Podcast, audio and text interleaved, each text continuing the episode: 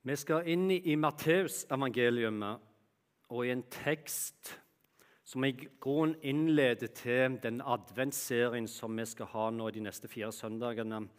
Og I teksten vi skal lese i dag, så handler den om døperen Johannes og et spørsmål som han stiller til Jesus. Og Et spørsmål som jeg tenker det er superrelevant for oss som lever her nå i dag i vår vestlige, kulturelle, sekulære verden som vi gjør nå i dag. Og Måten vi skal gjøre dette på, er at vi sammen skal lese alt det som står fra den historien først fra teksten. Og til å gjøre det så har vi fått med oss eh, Solveig Høgli, som skal komme opp og lese fra Bibelen. Da Jesus hadde fullført talen og sagt, at, sagt det han ville pålegge de tolv disiplene sine, dro han derfra for å undervise og forkynne omkring i byene. I fengselet fikk Johannes høre om alt Kristus gjorde. Han sendte bud med disiplene sine og spurte er du den som skal komme, eller skal vi vente en annen?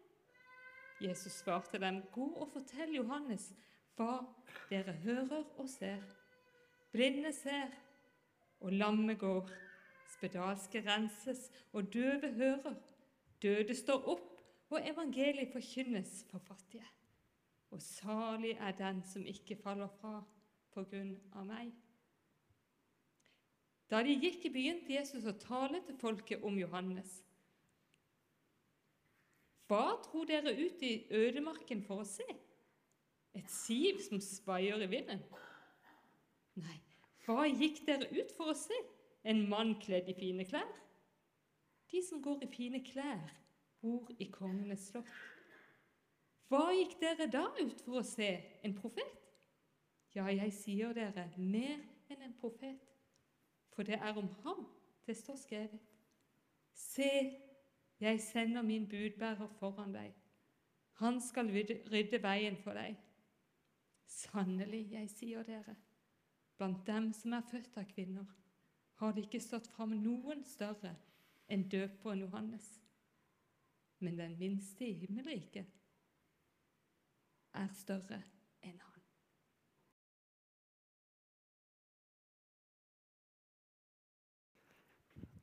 Takk skal du ha, Solveig.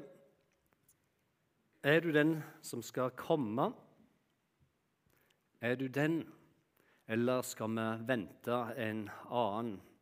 Om du leser i Bibelen og leser akkurat i overgang fra Det gamle testamentet og inn i Det nye testamentet, så vil du se det at etter profetene, som det står om i slutten av Det gamle testamentet, og før Jesus kommer til jorda, så var det ingen bevegelse, det var ingen lyd, ingen opplevelse av nærvær, ingen stemme, ingen under, ingen rettledning fra himmelen på over 400 år totalt stillhet.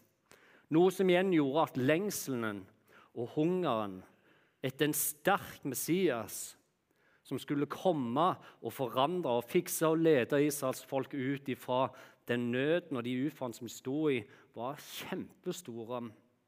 Etter 400 år i stillhet så var det helt prekært, det var helt nødvendig. I deres øyne så, så de for seg en sterk Messias.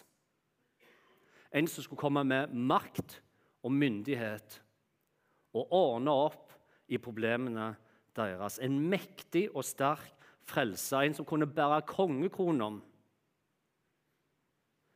med verdighet og styrke. Det var det de så for seg. En sterk Messias.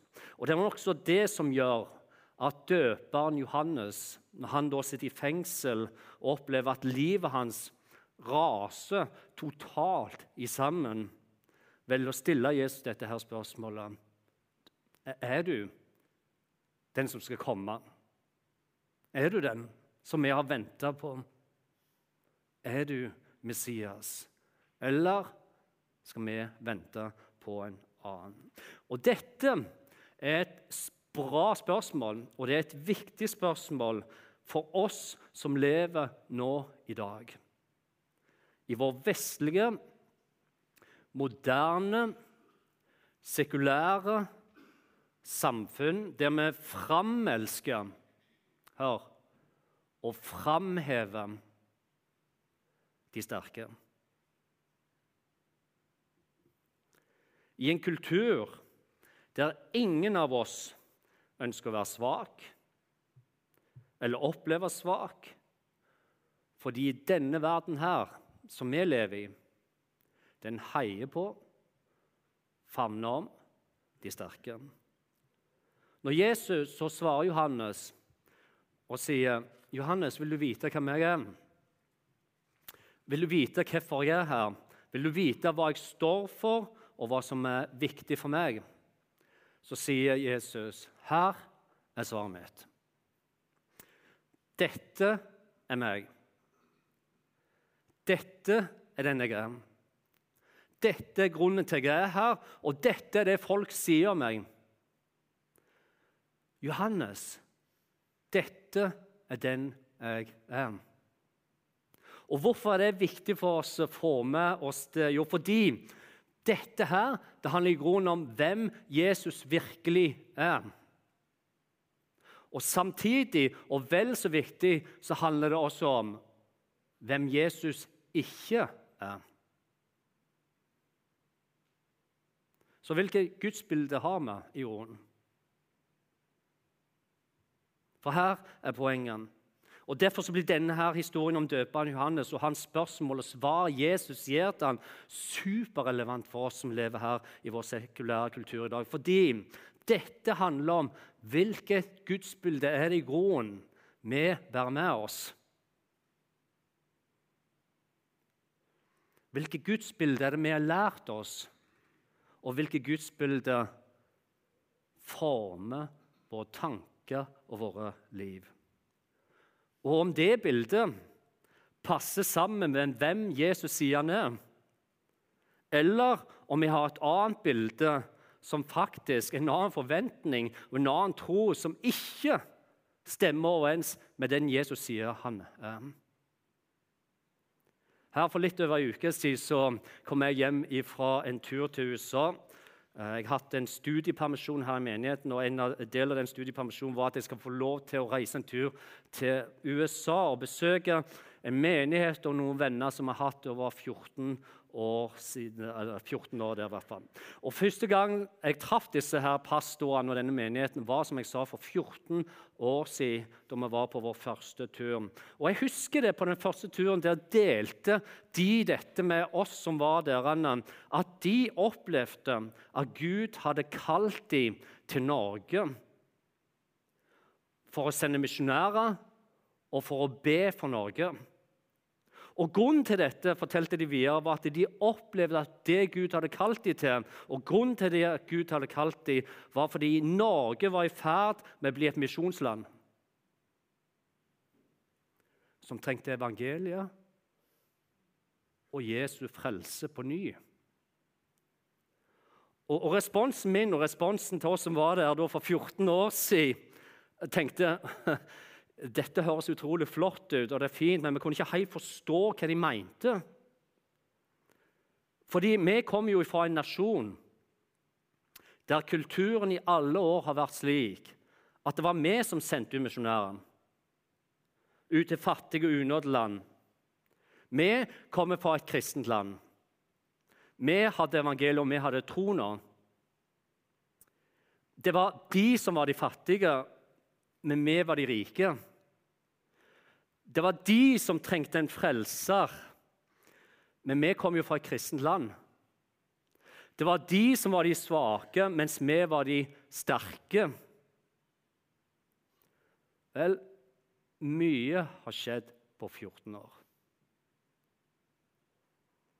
For der vi før var kjent for å sende misjonærer til andre fattige land og svake land der kaller Gud nå de til å sende misjonærer til Norge. Sigmund Freud, Carl Gustav Jung og Alfred Adler er alle kjente psykologer som ble født på 1800-tallet, og de levde inn litt i begynnelsen av 1900-tallet. Alle de sier dette her, at det ligger en dyp hunger inni alle menneskets hjerte. Psykolog Sigmund Freud konkluderte med at mennesket hungrer etter kjærligheten. Carl Gustav Jung sier mennesket hungrer etter trygghet. Og psykolog Alfred Adler sier at mennesket hungrer etter å bety noe. Som betyr at kjærlighet, trygghet og tilhørighet og det betyr noe for andre mennesker, er avgjørende og viktig for oss som mennesker. Og spesielt når livet overrasker oss. Når vi møter utfordringer eller vonde hendelser som vi ikke så for oss skulle komme i det hele tatt. Og gudsbildet, det vi håpte og trodde på, ble annerledes enn det vi så for oss. For det er i grunnen det som er utgangspunktet i den teksten som jeg leste, eller Solveig leste her i dag. Døperen Johannes han lider. Han sitter i fengsel og har det vondt. Det meste går galt for han, og livet det har fått en helt uventa eh, vending. Han så ikke dette for seg. Og Som et resultat av det som skjer, og smerten han opplever, så sier han slik det er nå, Jesus. Så er faktum det at jeg har store problemer med å tro på deg.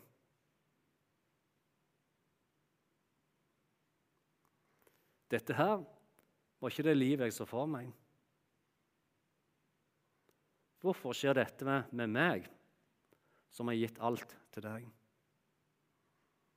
Hvorfor gjør ikke du noe med dette? Er du den som skal komme? Svar meg, eller skal vi vente en annen? Og Grunnen til han spør for dette, her er jo for det, det ser vi jo helt på slutten av svaret som Jesus gir når vi går til vers 6, for Der står det at Jesus sier dette, at salig er den som ikke faller fra på grunn av meg. En annen oversettelse så står det lykkelig, som betyr det samme som salig, er den som ikke tviler på meg. Og Hvis du går til en annen oversettelse, en eldre oversettelse, så står det Salig eller lykkelig eller velsigna er den som ikke tar anstøt av meg. Og Hvorfor sier Jesus dette til Johannes? Jo, fordi når Johannes erfarer at livet ikke ble sånn som han så for seg, når smerten og lidelsen og forfølgelsen er der, så begynner han å tvile på at Jesus faktisk er den han sier han er. Og ikke bare tvile, men han tar anstøt av han. Noe som heller ikke er ukjent i dag. For det er ikke uvanlig i dag at en hører mennesker si at det er så vanskelig for meg å tro på en Gud når det er så mye ondskap i denne verden, og det skjer så mye vondt med meg og mitt liv. Det er heller ikke uvanlig at en hører folk si at i tillegg til det så er det såpass mye med det Jesus sier, og måten han er på, som i vår kultur er ganske provoserende. Ja, faktisk så provoserer det så mye, det Bibelen og det Jesus sier, at vi tar anstøt av han. Vi vil ikke ha noe med han å gjøre hvis det er slik han er. Jeg husker godt den tida da jeg ble kristen, og dette er tilbake da jeg var 17 år gammel at jeg i den første tida det skjer ennå, men spesielt den første tida, havnet jeg frivillig og ufrivillig i en del sånn prat og diskusjoner om troen og min. Når folk får vite at de må bli frelst, så var de interessert i å vite hva det som har skjedd med deg. Er du tørne, eller hva er det som er galt? Og Vi fikk en del prater, og ofte havna dette ned til at de sa etter en prat sånn Jeg kan være enig og jeg kan strekke meg til at Jesus er et godt forbilde, han er en god rollemodell, et bra medmenneske med en god moral og gjorde mye godt. Og Jeg husker at jeg pusta lettere ut. Fordi på et eller annet nivå så var det viktig for meg at de godtok meg og min tro. Men det store spørsmålet var jo om de virkelig fikk med seg hva troen virkelig handler om. Hvem Jesus virkelig er. Eller om de bare former og danner seg et bilde av hvem Gud er, som ikke nødvendigvis er et rett og sant bilde. Fordi Jesus sa jo aldri at han kom for å bare lære oss moral. Jesus sa heller aldri at det kom for å være et godt forbilde. Han sa heller ikke jeg skal være en god mann som går rundt og gjør masse godt. Jo, han sa det, men det var ikke derfor han kom. Han gjorde det, men det var ikke derfor han kom. Det er ikke det som er Jesus og grunnen til at Jesus kom. Og Det er i grunnen det som ligger spørsmålet til Johannes når Johannes stiller det spørsmålet til Jesus. Er du den som skal komme? For den Messias de venta på, hadde venta på i hundrevis av år, det var et gudsbilde og en forståelse av en sterk Messias. En leder som skulle komme for å befri dem med makt og med myndighet. Så hvorfor gjør du ingenting, Jesus? Hvorfor er det så stille? Og hvorfor handler du ikke? Har hatt stillhet i 400, og det er på tide at det skjer noe.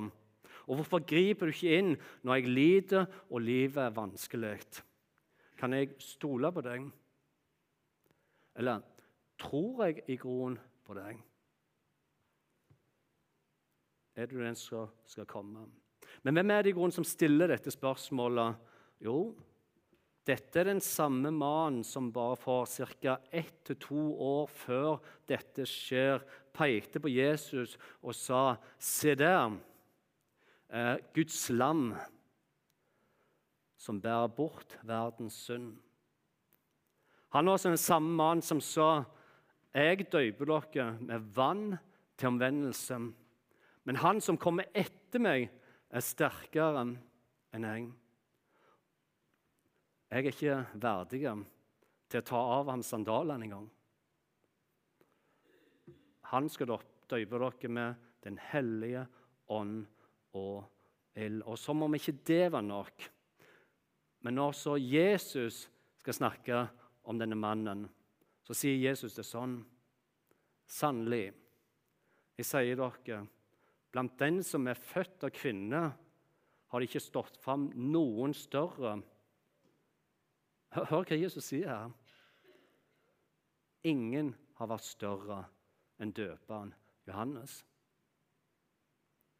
Som igjen betyr at opp til dette øyeblikket i historien, i tusen av år, fra generasjon til generasjon, fra slekt til slekt, med alle mennesker Ingen har vært mer salva. Ingen har fått større åpenbaring for å kunne forstå hvem Jesus Kristus virkelig er og allikevel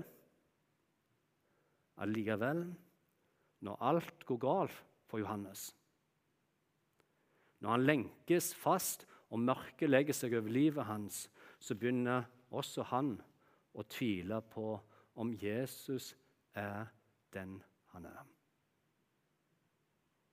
Er du den som skal komme, eller skal vi vente på en annen? Og Hva er det vi kan lære av dette inn i vår tid? Og først og fremst er det sånn at vi kan lære dette. Alle kan vi tvile. Alle kan tvile. Jeg mener, om døperen Johannes kunne tvile, så kan vi tvile. Ingen har vært som døperen Johannes.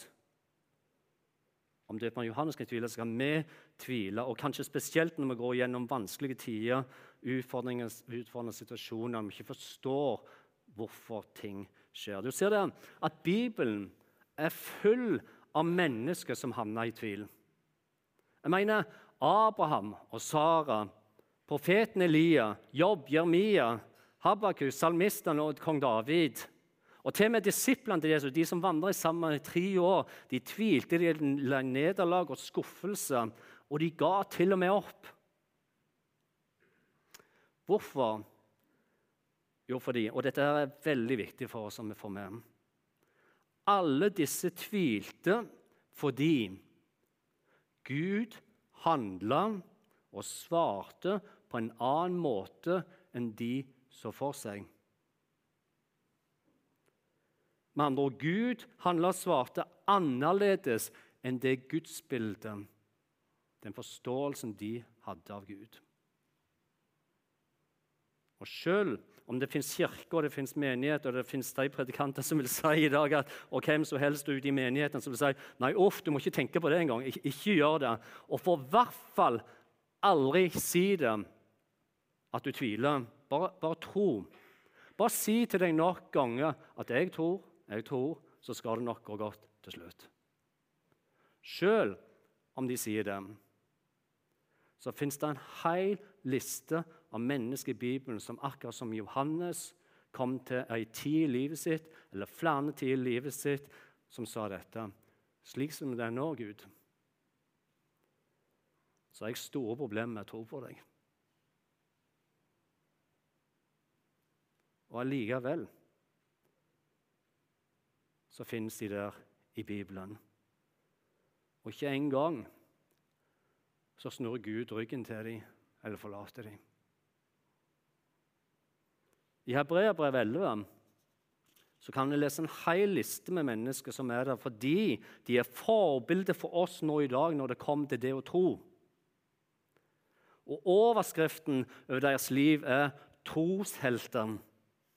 Men her er det viktig å få med oss at ingen av dem står der som troshelter fordi de var så sterke. Nei, de står der fordi de erkjente sin svakhet. Og Nettopp derfor så trengte de en frelser, en Messias, som kunne komme og hjelpe dem med deres tro. Og Paulus han vil skrive det sånn som dette her. Men det som i verdens øyne er dårskap Se dette. Det utvalgte Gud for å gjøre de vise til skamme. Og det som i verdens øyne er svakt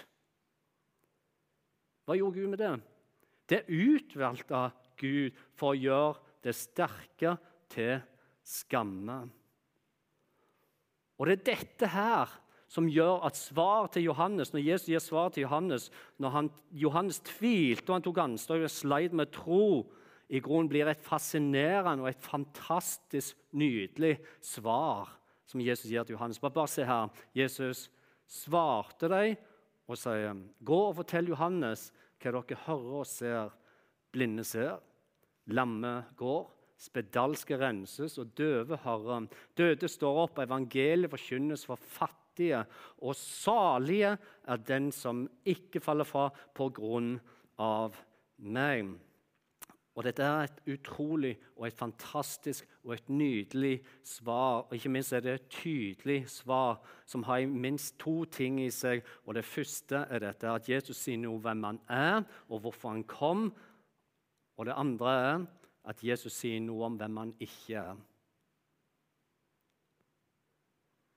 Når Johannes spør er du den som skal komme, så ligger det en forventning til hvem Jesus er, og hvordan Jesus skulle være og hvordan Jesus skulle gjøre det. Husk 400 år er en lang tid.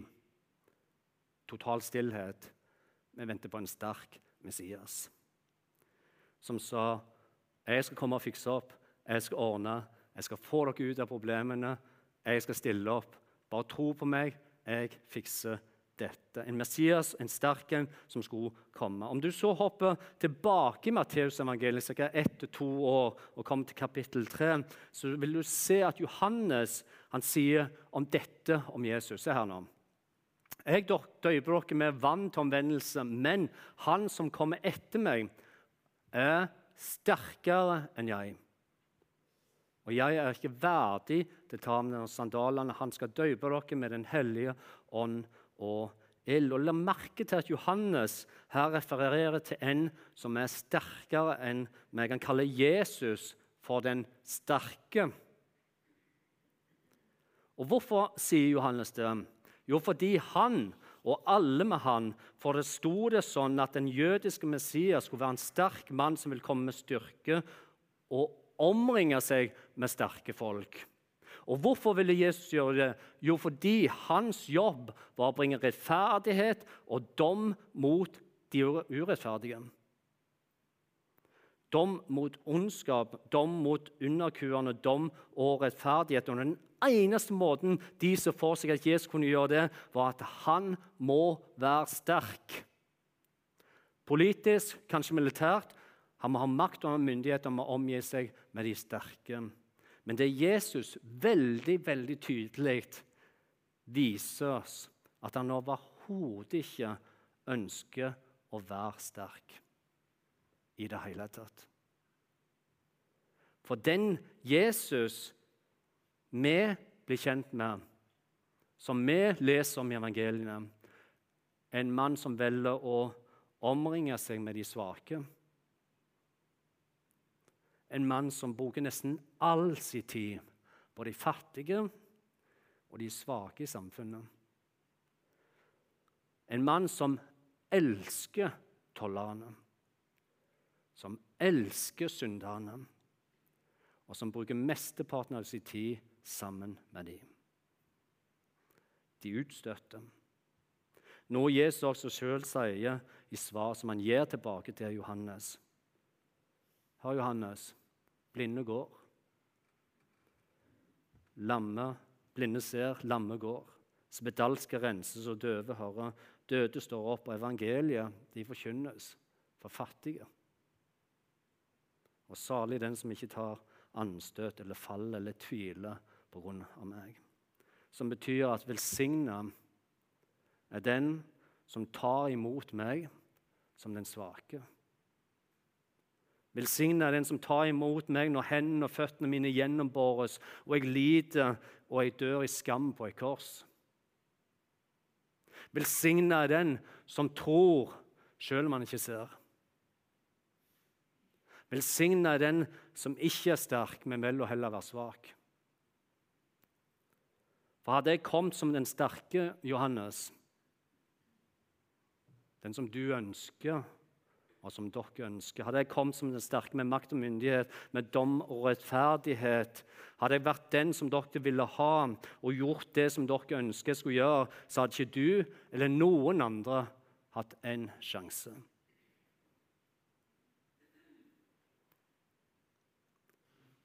Derfor så ble jeg svak. Og derfor så valgte jeg lidelsens vei. Fordi du er svak, og du er fattig, og du trenger en frelser. For ingen har noen gang vært sterke nok i seg sjøl når jeg velger å være sterk. Men en dag så skal jeg komme igjen, sier Jesus, og jeg skal komme igjen som den sterke. For å dømme levende og døde rettferdig. Tro meg, og tvil ikke. Jeg er den som kommer igjen. Paulus han skriver sånn som dette her. Men Gud er rik på barmhjertighet. Fordi han elsker oss med så stor en kjærlighet, gjorde han oss levende med Kristus, vi som var døde pga. våre misgjerninger, av nåde. Av nåden er det for det med grunnen til at Jesus velger å være svak. Han fortsetter. I Kristus Jesus har han reist oss opp fra døden sammen med ham og satt oss i himmelen med ham. Slik vil han i de kommende tider vise hvor overstrømmende rik han er på nåde, og hvor god han er mot oss i Kristus Jesus. For av nåde er dere frelst ved tro. Og så Dette er ikke deres eget verk. Dette her er Guds gave. Du ser det troen på Jesus, troen en gave fra Gud til oss. Fordi den fyller et dypt behov som alle mennesker har i sitt liv. Nummer én, som er kjærlighet. Nummer én, to, som er trygghet og tilhørighet. Og nummer tre, at vi får lov å bety noe for noen andre. Troen er gitt oss for at vi skal få lov til å hvile i at Gud er kjærlighet. Gud er barmhjertighet. Han er tryggheten. Han gir oss tilhørighet. og han viser at han trenger oss. Det, det gjør at da blir min lengsel hjemme. Det gjør at derfor er min tro sin skatt. I 2. Korinterbrev 12,10 så skriver Paulus er slik som dette her. For når jeg er svak, da er jeg sterk. Men hva betyr grunnen det når Paulus skriver når jeg er svak, da er jeg sterk? Jo, for Gud betyr det ingenting om vi er sterke som mennesker, enten fysisk eller psykisk. Problemet er de som tenker at de er sterke, at de tror at de ikke trenger noe hjelp. Det er et problem. De trenger ikke å be, de er ikke avhengige av Gud, og de tenker at de kan fikse både livet og kallet sjøl. Da lager vi oss et gudsbilde og former det slik det passer oss sjøl. Mens det Bibelen viser oss, er at bare den som kjenner sin svakhet, som vet at jeg er helt avhengig av Jesus Kristus i mitt liv, hans nåde og hans frelse, bare de får se og erfare hvem Jesus virkelig er. Paulus skriver videre i Filippa brev 4,13 dette. Alt makter i Kristus, Han som gjør meg sterk, som betyr Følg med. I Ham som gjør meg sterk. Og ikke oss sjøl. Og Her er rekkefølgen vesentlig viktig at vi får med oss, fordi det former vårt gudsbilde og vår tro.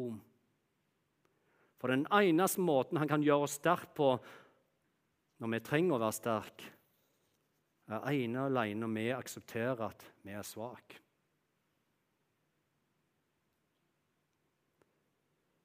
Slik Bibelen viser og beskriver oss at Jesus er Han valgte å være svak for oss svake. Og han gir styrke til den som velger å være svak. Kun da kan vi forstå at han var helt nødt å velge og måtte være svak, lide og dø på et kors, fordi vi var helt avhengige og desperat behov for hans nåde og hans frelse i vårt liv. Vi skal avslutte i dag med en enkel liten bønn på en setning. Veldig veldig kort bønn. Men selv om den er enkel, og selv om den virker fattig på ord, så sier den allikevel det slik som det er. Har den. Styrk du min tro, Herre.